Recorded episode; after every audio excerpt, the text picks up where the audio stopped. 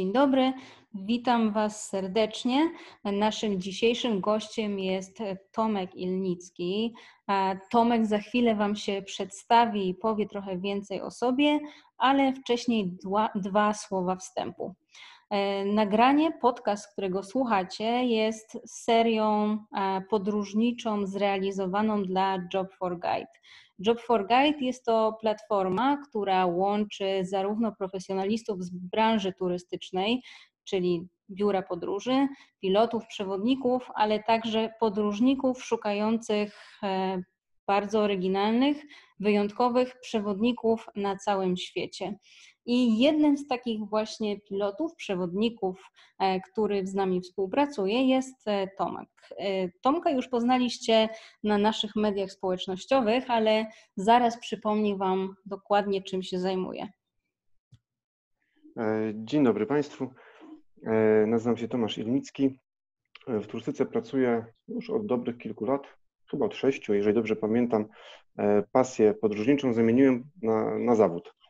E, i stałem się pilotem wycieczek. E, specjalizuję się szczególnie w strefie czarnobylskiej, natomiast jeżdżę też często do, e, do, na inne kontynenty, Chiny, Wietnam, Izrael, do Gruzji często jeżdżę, także specjalizuję się w wielu różnych kierunkach.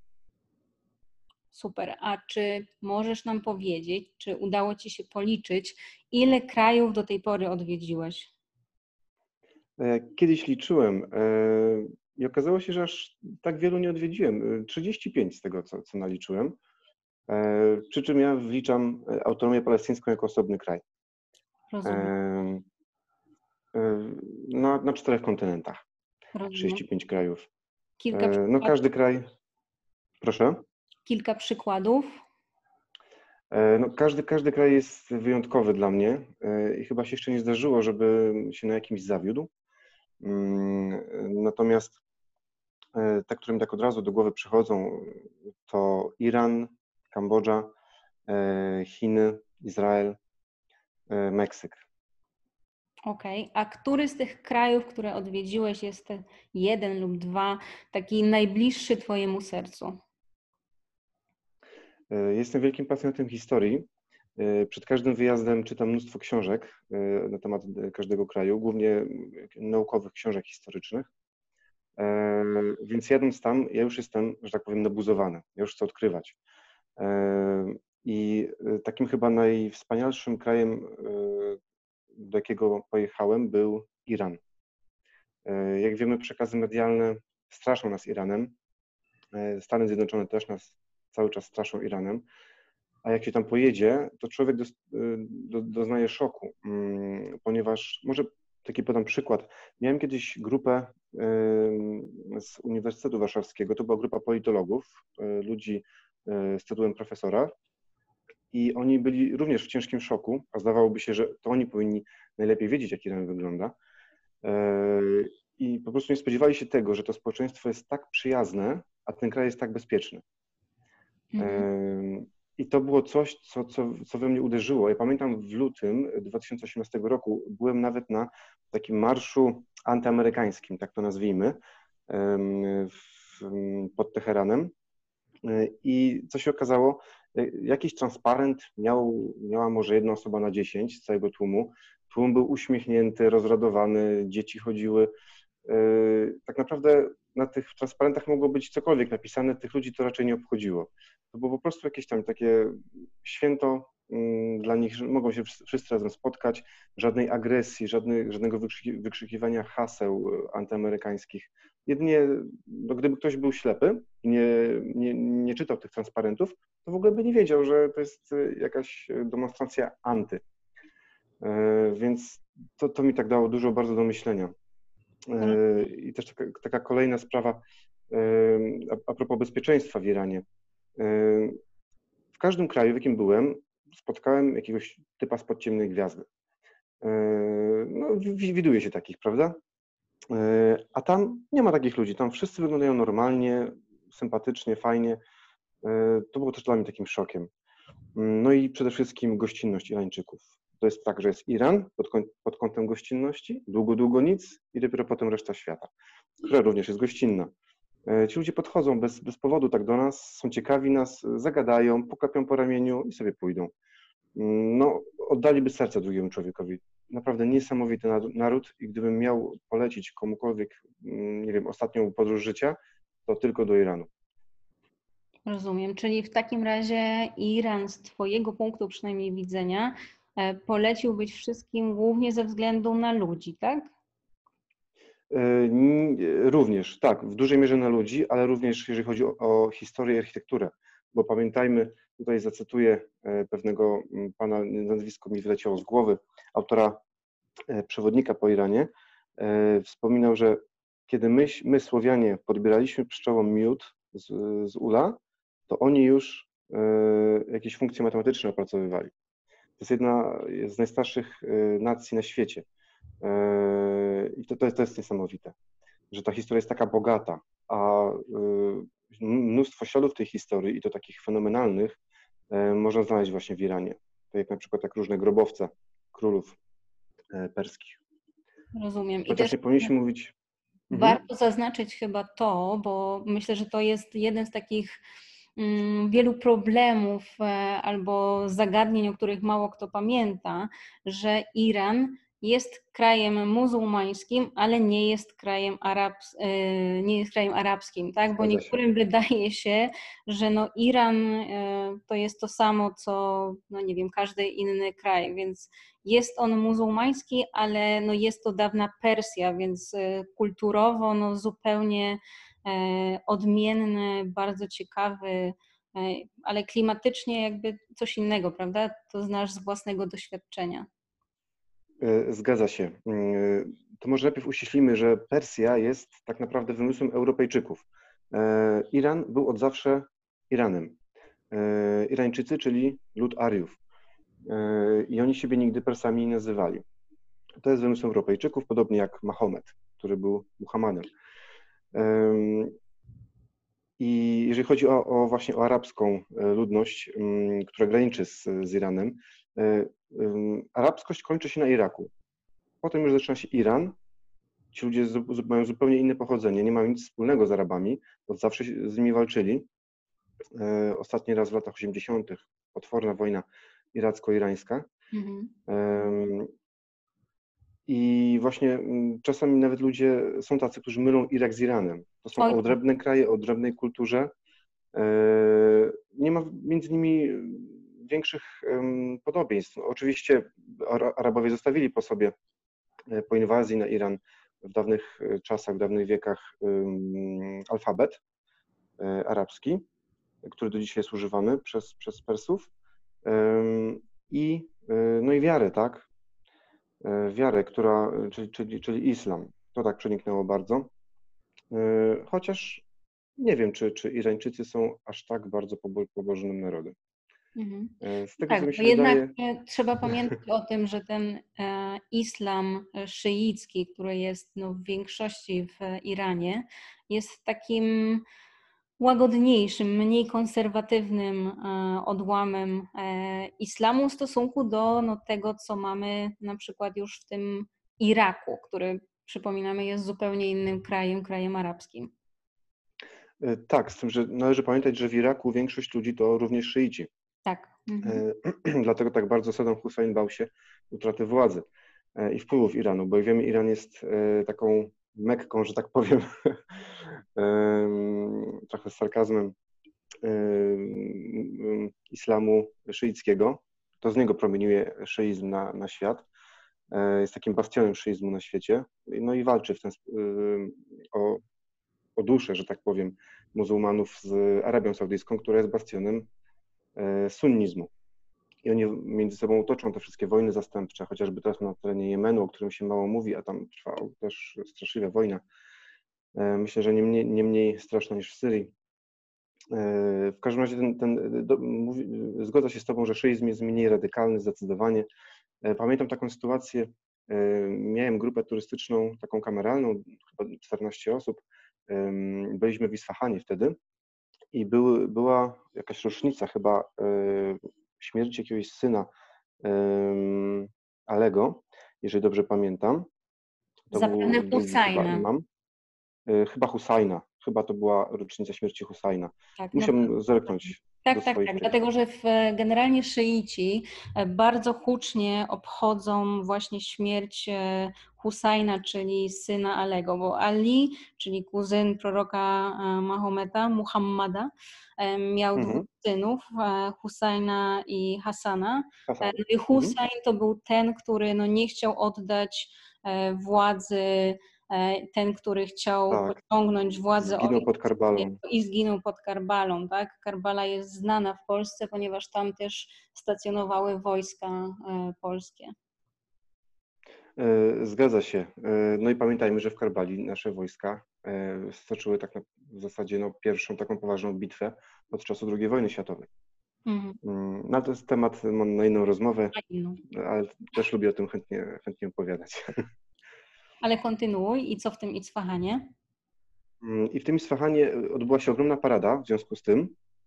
E, no ludzie, w sensie turyści, zafascynowani, bo byliśmy jedynymi turystami.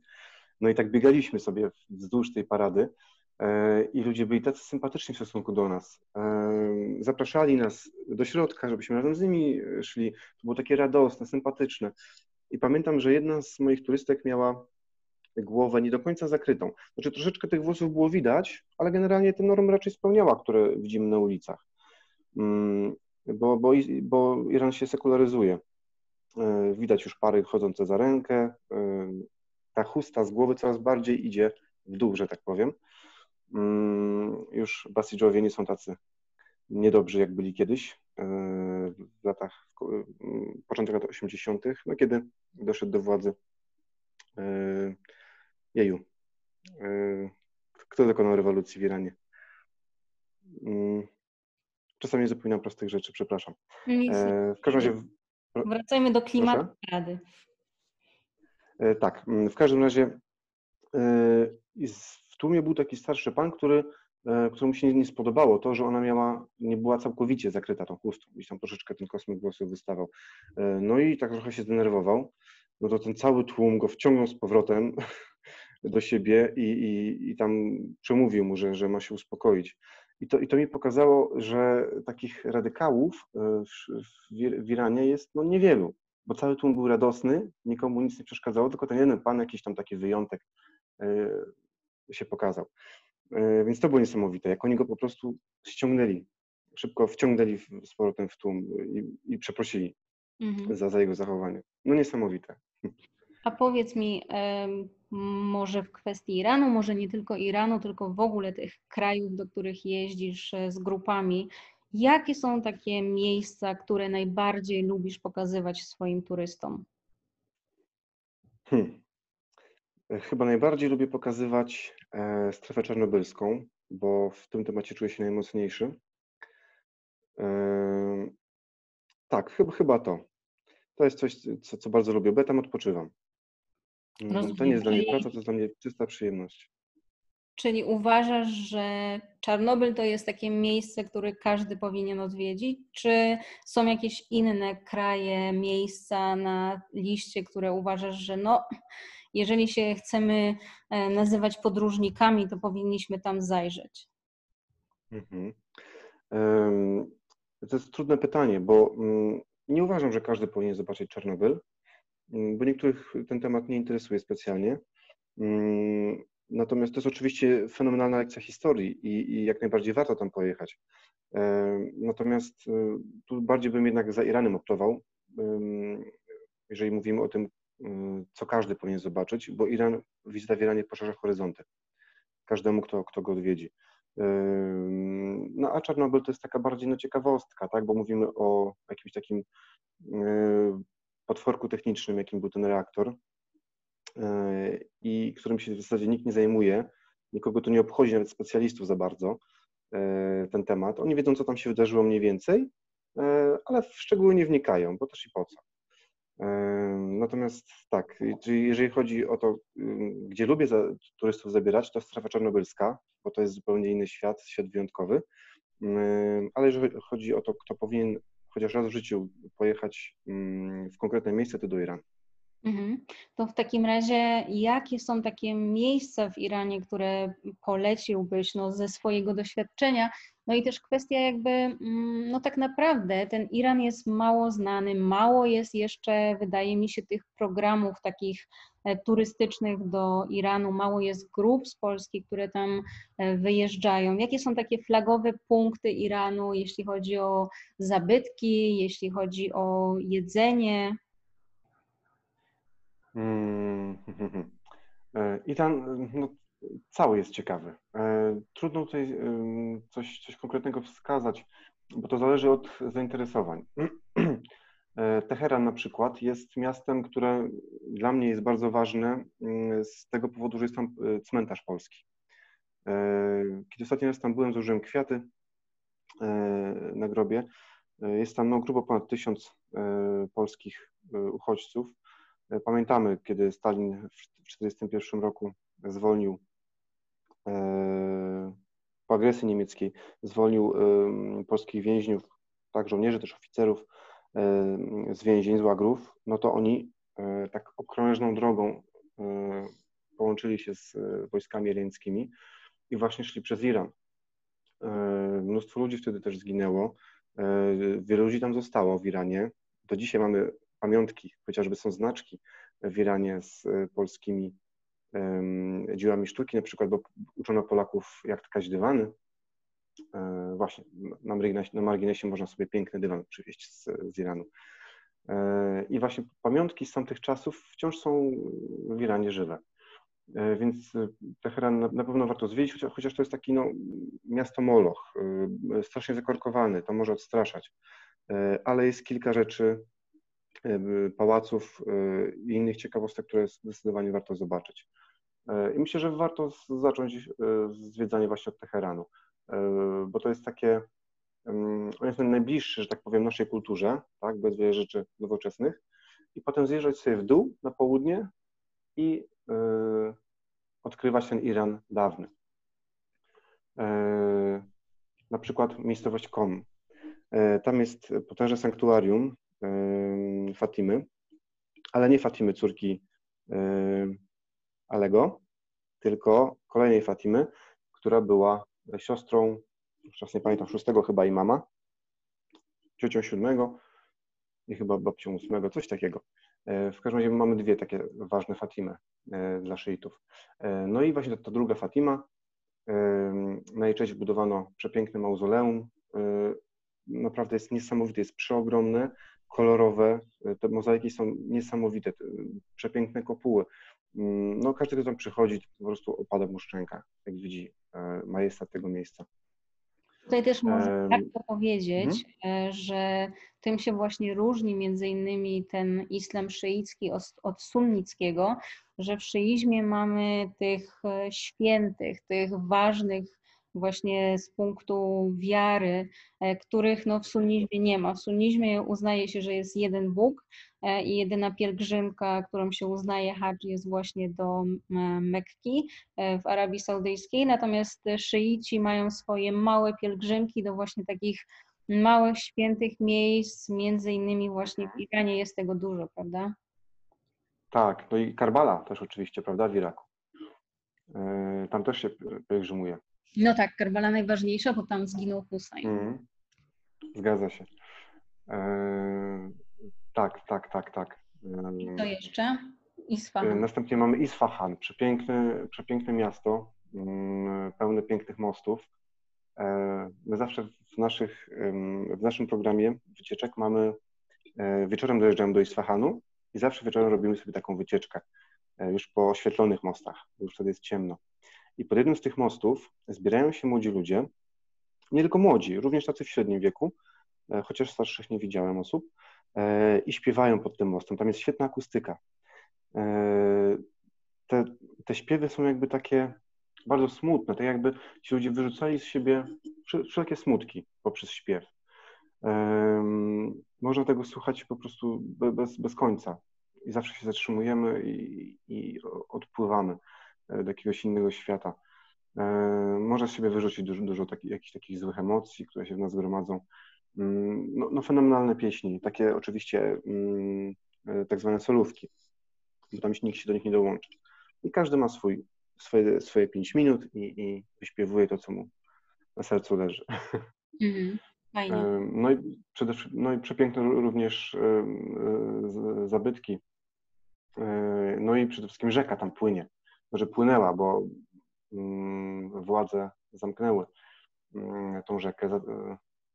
Tam została zamknięta i no jest tam sucho. Przynajmniej było sucho w, przez cały rok 2018, przez który tam jeździłem. Ale kiedy jeszcze woda płynęła, no to to była taka atrakcja dla Irańczyków. Przyjeżdżali z różnych zakątków, żeby zobaczyć rzekę.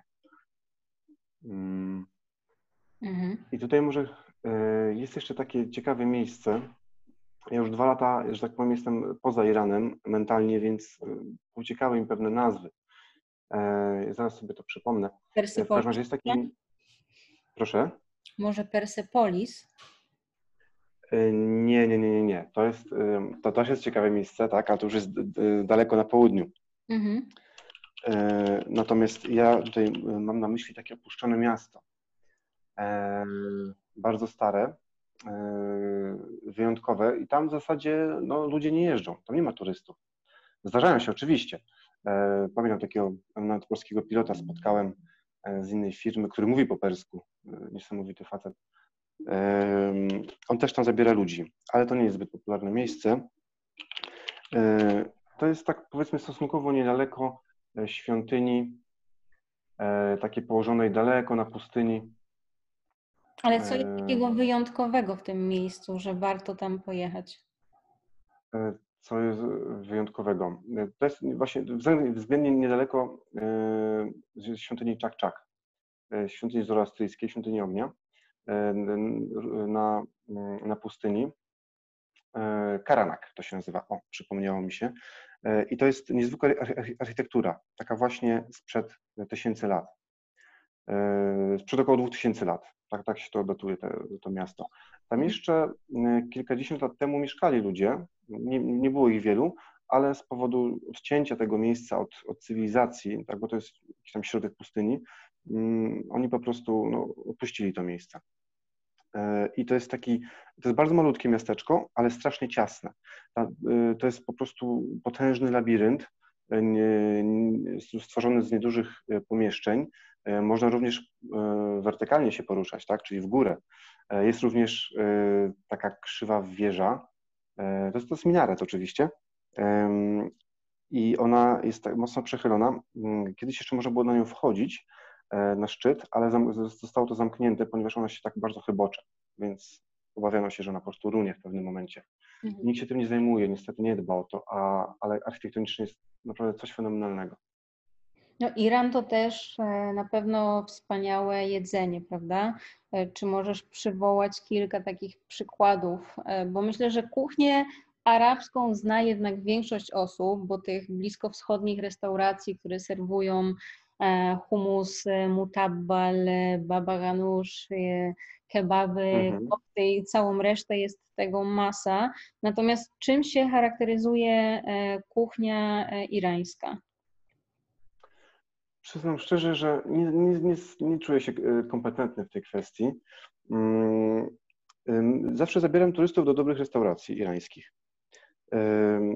Te nazwy, pamiętam, nigdy mi nic nie mówiły za bardzo, bo każda restauracja miała jakieś tam swoje inne e, nazwy. E, natomiast no, oni się specjalizują w mięsie. E, bardzo lubią mięso, baraninę. Baranina jest jednym z takich najpopularniejszych. Takie szaszłyki z kawałków mięsa baraniego, czy, czy, czy też jagnięcego. Fantastycznie doprawione. Oni mają niesamowite przyprawy. Też, też do dzisiaj nie wiem, jakich oni przypraw używają, bo wiele, nazwy wielu z nich nic mi kompletnie nie mówiły. Gdzieś mi mhm. później uciekły, bo to już dwa lata, jak tam nie jeżdżę. No jedną z takich mm. najpopularniejszych na pewno w Iranie jest sumak, tak? To jest e, taka przyprawa, którą w zasadzie Irańczycy e, sypią na wszystko. Na no wszystko, tak. wszystko, wszystko. Wszystko jest zawsze posypane e, sumakiem. Ale Iran to oprócz też tej kuchni w dużej mierze to orzechy, prawda? I suszone owoce, które można kupić na bazarach. Zgadza się, bazary są pełne takich rzeczy. Tak, te, te orzechy to się tam po prostu, mówiąc brzydko, przewalają e, wręcz. E, rzeczywiście, jak ktoś lubi orzechy. Pistacje irańskie to chyba drugich takich nie ma. Tak, zgodzę się. E, ale jak już mówimy o tych, o tych targach, e, to ja kupuję sobie, kupowałem sobie zawsze herbatę irańską. E, ona ma troszeczkę inny smak. Mówię o czarnej herbacie, takiej zwykłej, mhm. w, w listkach, takich już rozdrobnionych, które po prostu się zalewa wrzątkiem. I ona na przykład dochodzi przez, nie wiem, 15 minut, 20, bo to nie jest taka, to nie jest chemia, jaką mamy teraz w torebkach, E, która momentalnie się zaparza, tylko trzeba się odczekać swoje. I ona ma taki specyficzny aromat, no fenomenalna naprawdę i bardzo mocna jest, także trzeba uważać, tylko dosłownie odrobinkę e, wsypać i, i zalać wrzątkiem. Mhm, super. To w e, takim razie... To w takim razie teraz e, chciałabym, żeby nasi słuchacze zajrzeli trochę za kulisy tej naszej pracy w branży turystycznej, e, bo to jest na pewno coś, e, no, co czasami widzą, czasami to doznają, będąc na wycieczkach, ale też nie do końca wiedzą, może z czym my się musimy mierzyć. Czy mógłbyś przywołać jakieś takie mm, największe wyzwania, z którymi przyszło Ci się mierzyć w Twojej pracy? Mhm. No, tych wyzwań troszeczkę było. Z pewnością też wielu nie pamiętam, ale powiem o tych, które, które pamiętam. E, taką mm, najbardziej niemiłą sytuację mm, zarejestrowałem w Rumunii. E, miałem tutaj takiego no, bardzo nieprofesjonalnego lokalnego przewodnika, który mówił po polsku, ale tak sobie niekoniecznie traktował poważnie swoją pracę. Zaczęło się na tym, że przepływałem go na wielu błędach merytorycznych. I później mieliśmy problem, zepsuł się nam e, bus i trzeba było coś załatwić. I on mnie zostawił z grupą samego rana e, i powiedział, że on jedzie z kierowcami znaleźć jakiś warsztat. I zostałem sam. E, pamiętam, że to był mój pierwszy raz w Rumunii. Nie, nie miałem dużego doświadczenia, że dużej wiedzy na, na, na temat Rumunii i nagle muszę coś zrobić z grupą. E, on kompletnie się tym nie przejął. Nie, nie zaproponował mi na przykład, że nie wiem, zadzwońmy, ja może znajdę kogoś na zastępstwo na ten czas. Po prostu zostawił mnie bez niczego mm, i bez żadnej pomocy. Mm, I udało mi się skontaktować z właścicielem hotelu pewnego, który był Amerykaninem, e, mieszkającym w Rumunii i on mi dał namiary na swojego pilota. E, I umówiłem się z tym pilotem, udało mi się go tak na CITO załatwić, bo przedzwoniłem do niego, Mm, i zaprowadziłem grupę na miejsce zbiórki, spotkania z tym pilotem i udało się wszystko uratować. E, ten mój, ten mój lokalny przewodnik nie, nie udało mu się mm, załatwić żadnego zastępstwa dla busa, w ogóle się tym nawet nie przejął, nawet nie próbował. I też udało mi się e, dzięki właśnie temu pilotowi, e, przewodnikowi lokalnemu, którego udało się załatwić na CITO, udało się również załatwić transport. Mnóstwo stresu miałem z tego powodu, mnóstwo, e, ale na szczęście wszystko dobrze zakończyło. Mhm. Mm, no to, to jest coś, coś, coś tak, jeżeli chodzi o takie rzeczy organizacyjne, to, to naj, naj, najmniej mile wspominam, ale mhm. się udało na szczęście. Mhm.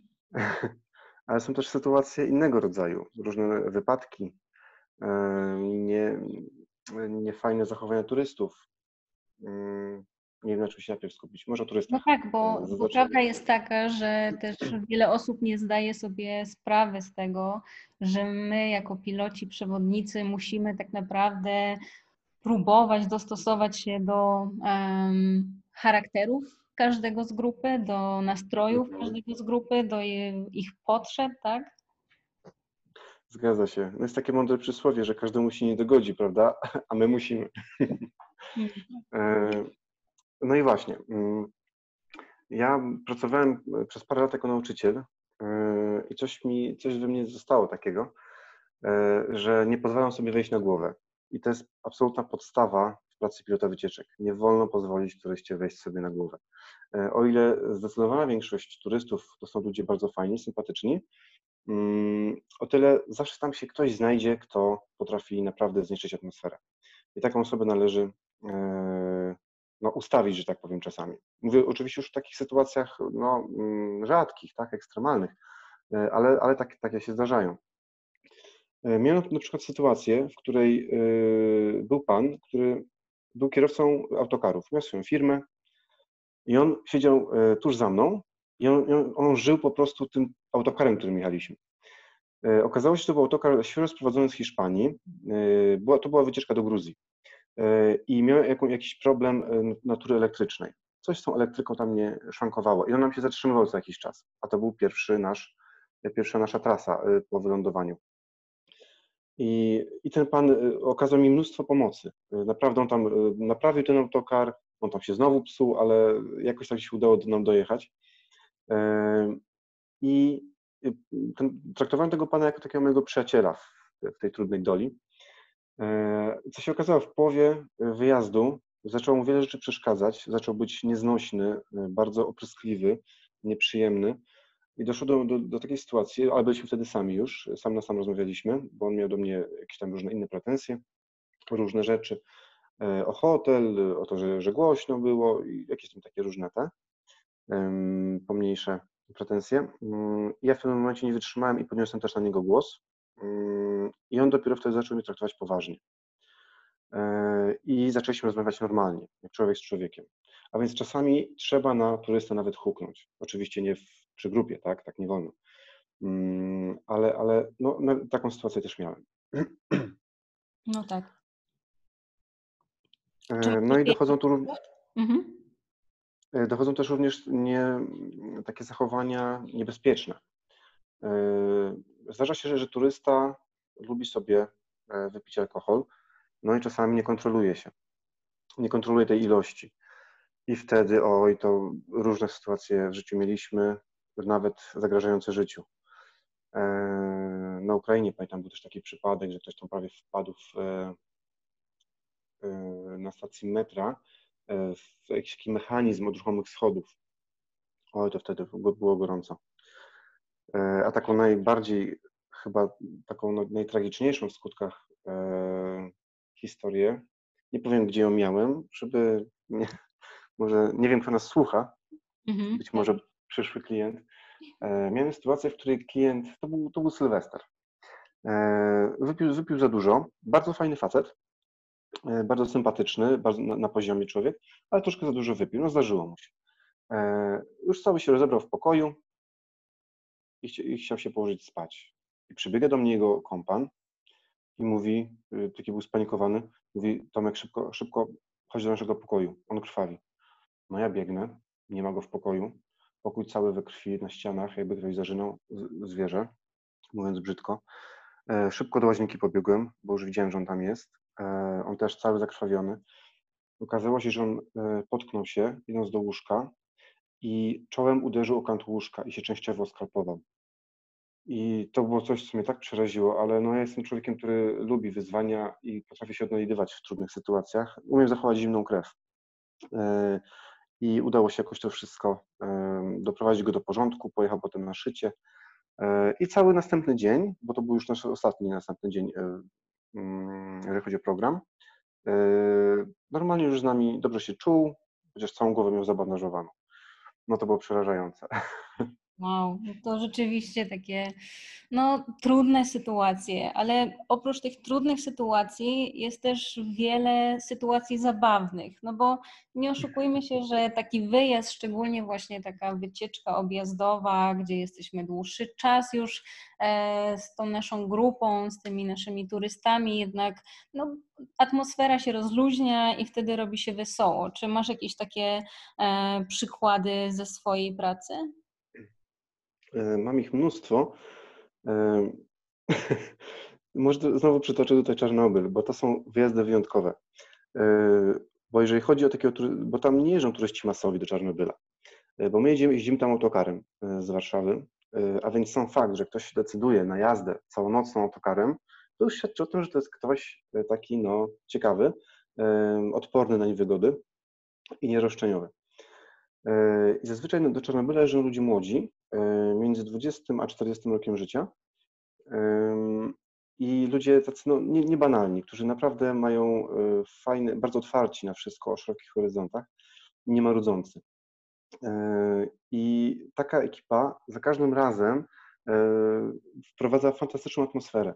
Dlatego tak bardzo lubię do Czarnobyla jeździć, bo tam nie ma osób marudzących, roszczeniowych. Tam są ludzie naprawdę fajni.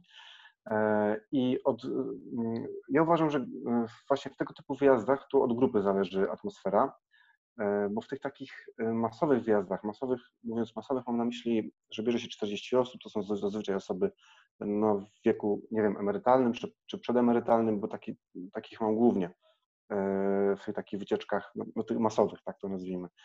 Mm, I, I w tych masowych to głównie od mojego, powiedzmy, usposobienia zależy atmosfera w grupie, e, bo tam jest większa dyscyplina, natomiast w tych czarnobylskich nie. E, I jest mnóstwo śmiesznych sytuacji. Ja podam taką troszeczkę może. E, no dobra, opowiem o tym. W stołówce. Elek... Proszę. Śmiało, śmiało. W stołówce elektrowni czarnobylskiej również jadają turyści. I tam są takie niezłe fajne toalety, do których zawsze są oczywiście kolejki, e, bo nie jest ich dużo. No i mieliśmy takiego śmieszka, który wszedł do tej toalety, wyszedł z niej, zjedliśmy obiad. I on po jakimś czasie mówi, że go obtarł sobie nogę i ciężko mu chodzić. No i tak patrzę, mówię, a co się stało? Okazuje się, że on nie miał skarpetki na sobie. Drugą miał. No i okazało się, że nie było tam papieru toaletowego, więc on tą białą skarpetkę Pumy sobie wykorzystał e, do higieny. Zostawił ją tam i no i tak mu obcierało. I mm, jak się o tym, e, on, się, on, się, on, on o tym opowiedział publicznie e, w tej naszej kameralnej grupie. No i jeden ktoś z tyłu krzyknął, że podobno w, w ukraińskiej telewizji zaobserwowano brązową pumę na wolności. E, tak, takie, takie, to jest mniej więcej, e, takie, takie śmieszne rzeczy się przydarzają e, i tego typu śmieszne teksty padają na okrągło, więc my tam po prostu płaczemy na tych wyjazdach ze śmiechu. Okej, okay, okej, okay. dzięki wielkie. A powiedz mi, mm, czy tak z punktu widzenia sytuacji, w której się w tej chwili e, znaleźliśmy wszyscy e, zawodowo, e, uważasz, że, że ta praca ma przyszłość? Tak, uważam, że ta praca ma przyszłość, chociaż mm, jest bardzo narażona na różne perturbacje, bo takie sytuacje, których nie jesteśmy w stanie przewidzieć, jak mm, pandemia, tak jak jest, z którą się mierzymy w tej chwili, bądź trzęsienie ziemi, tsunami, różne są sytuacje, prawda? E, I nagle okazuje się, że nie możemy do danego miejsca pojechać, albo strajki. Kiedyś byłem w Indiach, pamiętam, były strajki i nie mogłem e, się wybrać do miejsca, do którego chciałem, bo wszystko było poblokowane. Mm, to jest strasznie wrażliwa branża. E, natomiast ludzie chcą jeździć, chcą zwiedzać świat. Nawet tacy, którzy nie mają większej wiedzy na temat innych krajów świata i niekoniecznie ich interesuje e, poszerzanie jakoś specjalnie tej wiedzy, ale chcą zobaczyć coś ładnego i coś przeżyć ciekawego. E, poznać nowych też ludzi. Mm, więc zauważyłem, że po prostu no, w różnych grupach społecznych jest ten taki ciąg do zwiedzania, do podróżowania. Chociażby dlatego, żeby się pokazać, żeby mieć, mieć o czym opowiedzieć koleżankom, kolegom. Na drugim końcu tych grup są oczywiście ludzie zafascynowani podróżowaniem, innymi kulturami, z którymi się fantastycznie rozmawia. Więc uważam, że zwiedzanie jest, e, będzie cały, ono się cały czas rozwija, podróżowanie, chęć do podróży i będzie się rozwijało. E, I uważam, że ta branża nigdy nie umrze. Ona może zostać przystopowana tak jak teraz, ale jestem przekonany, że jak już e, pandemia wygaśnie, wszystkie kraje się otworzą, to nagle to wszystko wystrzeli. Mhm. A powiedz w takim razie, jeżeli nie pracowałbyś w turystyce, to kim byś był? No to jest trudne pytanie. Wydaje mi się, że pracowałbym w, y, w przemyśle gier wideo, bo to jest moja wielka pasja od dziecka. E, pisałem też o tym jako dziennikarz. Mm, I wydaje mi się, że tworzyłbym fabuły do gier, różne zadania w tych grach. Tak mi się wydaje, taką kreatywną postacią chciałbym być. Mam nadzieję, że jeszcze coś takiego kiedyś mi się przydarzy. Tak. E, bo to jest niesamowite właśnie, że można stworzyć coś z niczego. E, mi się właśnie marzy ze swoich doświadczeń życiowych, podróżniczych e, stworzyć na przykład właśnie jakąś grę. Można tak, prawda? I wtedy można od, odtworzyć wiernie budynki, i wpleść jeszcze jakąś ciekawą historię w to, to byłoby coś, co, czym bym się chyba, czemu bym się najchętniej poświęcił. Mhm. A powiedz, bo na dobrą sprawę no w tej chwili to nie jest tak, że podróżować zupełnie nie można. No ale jednak wiele osób się jednak tych podróży obawia. Więc zostają książki, zostają filmy. Czy w takim razie mógłbyś naszym słuchaczom polecić książkę, film, serial, e, które no, uważasz, że są bardzo ciekawe, bardzo ważne e, i przeniosą ich właśnie inny świat? Hmm. E, pytasz pewnie o świat podróżniczy. E, tak, to przede wszystkim, jeżeli chodzi o podróżnicze książki, to polecam przede wszystkim Wojciecha Jagielskiego. E, wszystko, co napisał, wszystkie książki. E, człowiek niesamowity.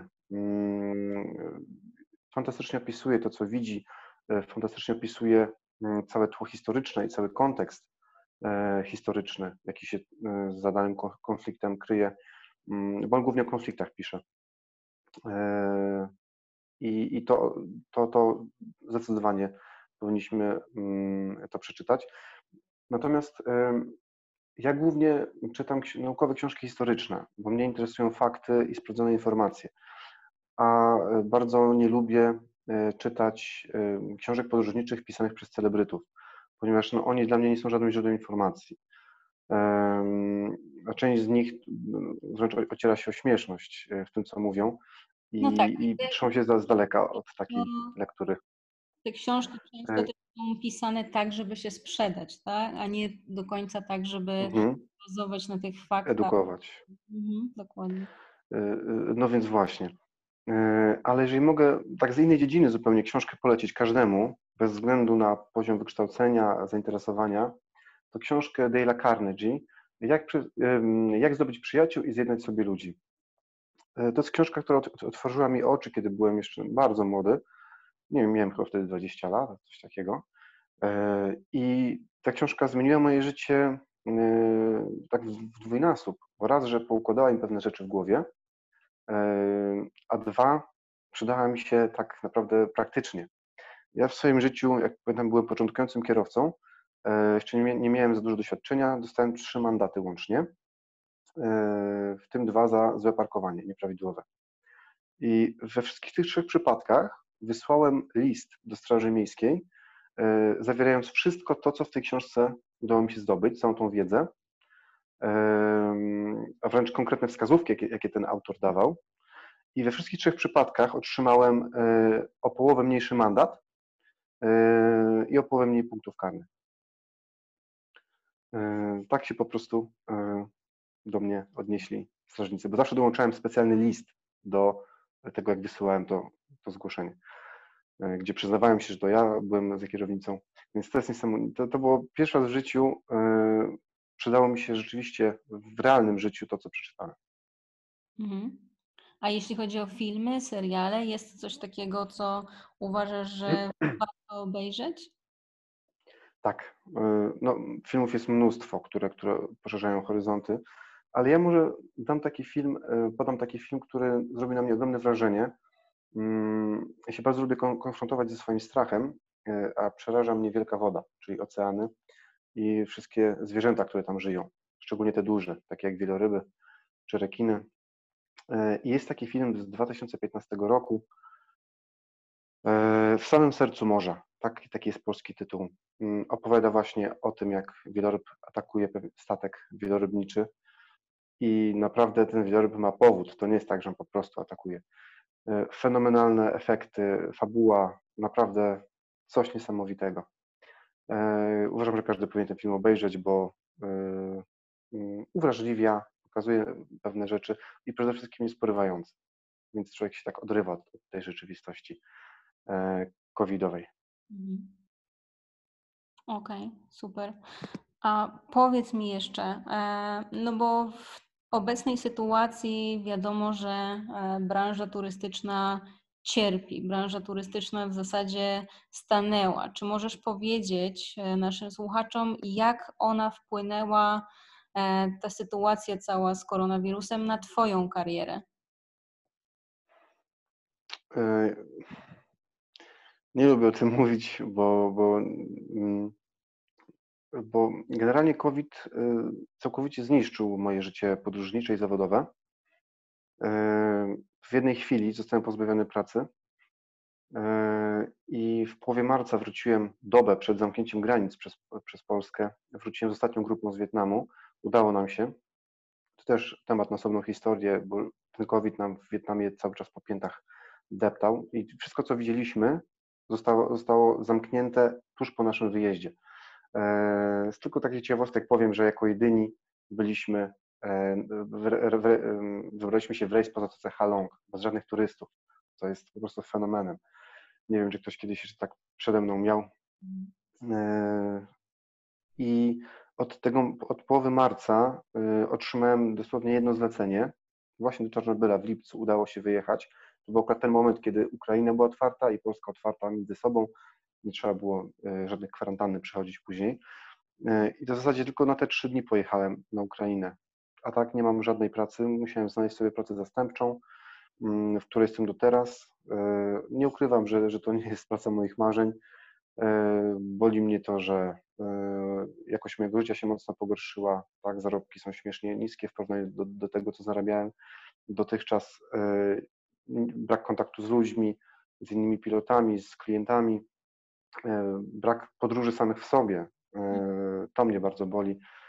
No ale wypełniam sobie czas pisaniem książki, już drugiej o poświęconej Czarnobylowi i Fukushimie japońskiej, czyli ty, tym dwóm katastrofom jądrowym.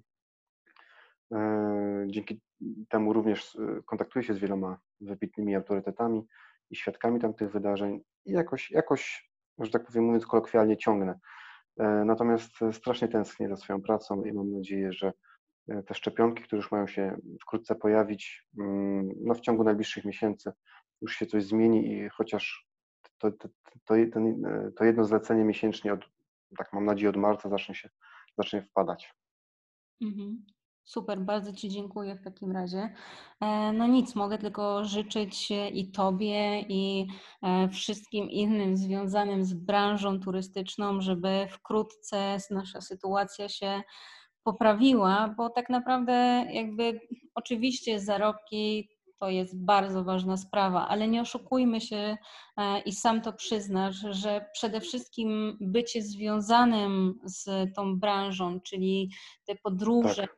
praca z ludźmi, praca właśnie taka, gdzie każdy dzień jest inny, gdzie nie do końca da się przewidzieć, co się zdarzy, takie właśnie wyzwania i nowe przygody. Tak. Coś, co bardzo uzależnia i jednak no, daje dużą satysfakcję. Zgadza się. No ja właśnie, podobnie jak i ty i, i, i wielu naszych słuchaczy, jestem uzależniony od tego, od, od tej adrenaliny, e, od tych miejsc i jestem po prostu jak narkoman na głodzie. Oczekuję tego zlecenia już z taką niecierpliwością coraz większą, bo nie, nie ukrywam, że ta frustracja gdzieś tam troszkę tak narasta, narasta, czasami za mocno może. Mm, wtedy muszę coś sobie, jakiś film włączyć, czy, czy, czy, czy coś innego zrobić, no bo, bo człowiek za tym tęskni, tak jak mówisz, tęskni i, i za, za specyfiką tej pracy. Mhm. tym nieznanym. Super. Bardzo dziękuję Ci, Tomku, za rozmowę. E, jeszcze raz przypominam, e, Tomasz Ilnicki był dzisiaj gościem mojego e, podcastu. I dziękuję do... bardzo. Dzięki i do usłyszenia. Zapraszam na kolejny odcinek podróżniczy z Job for Guide.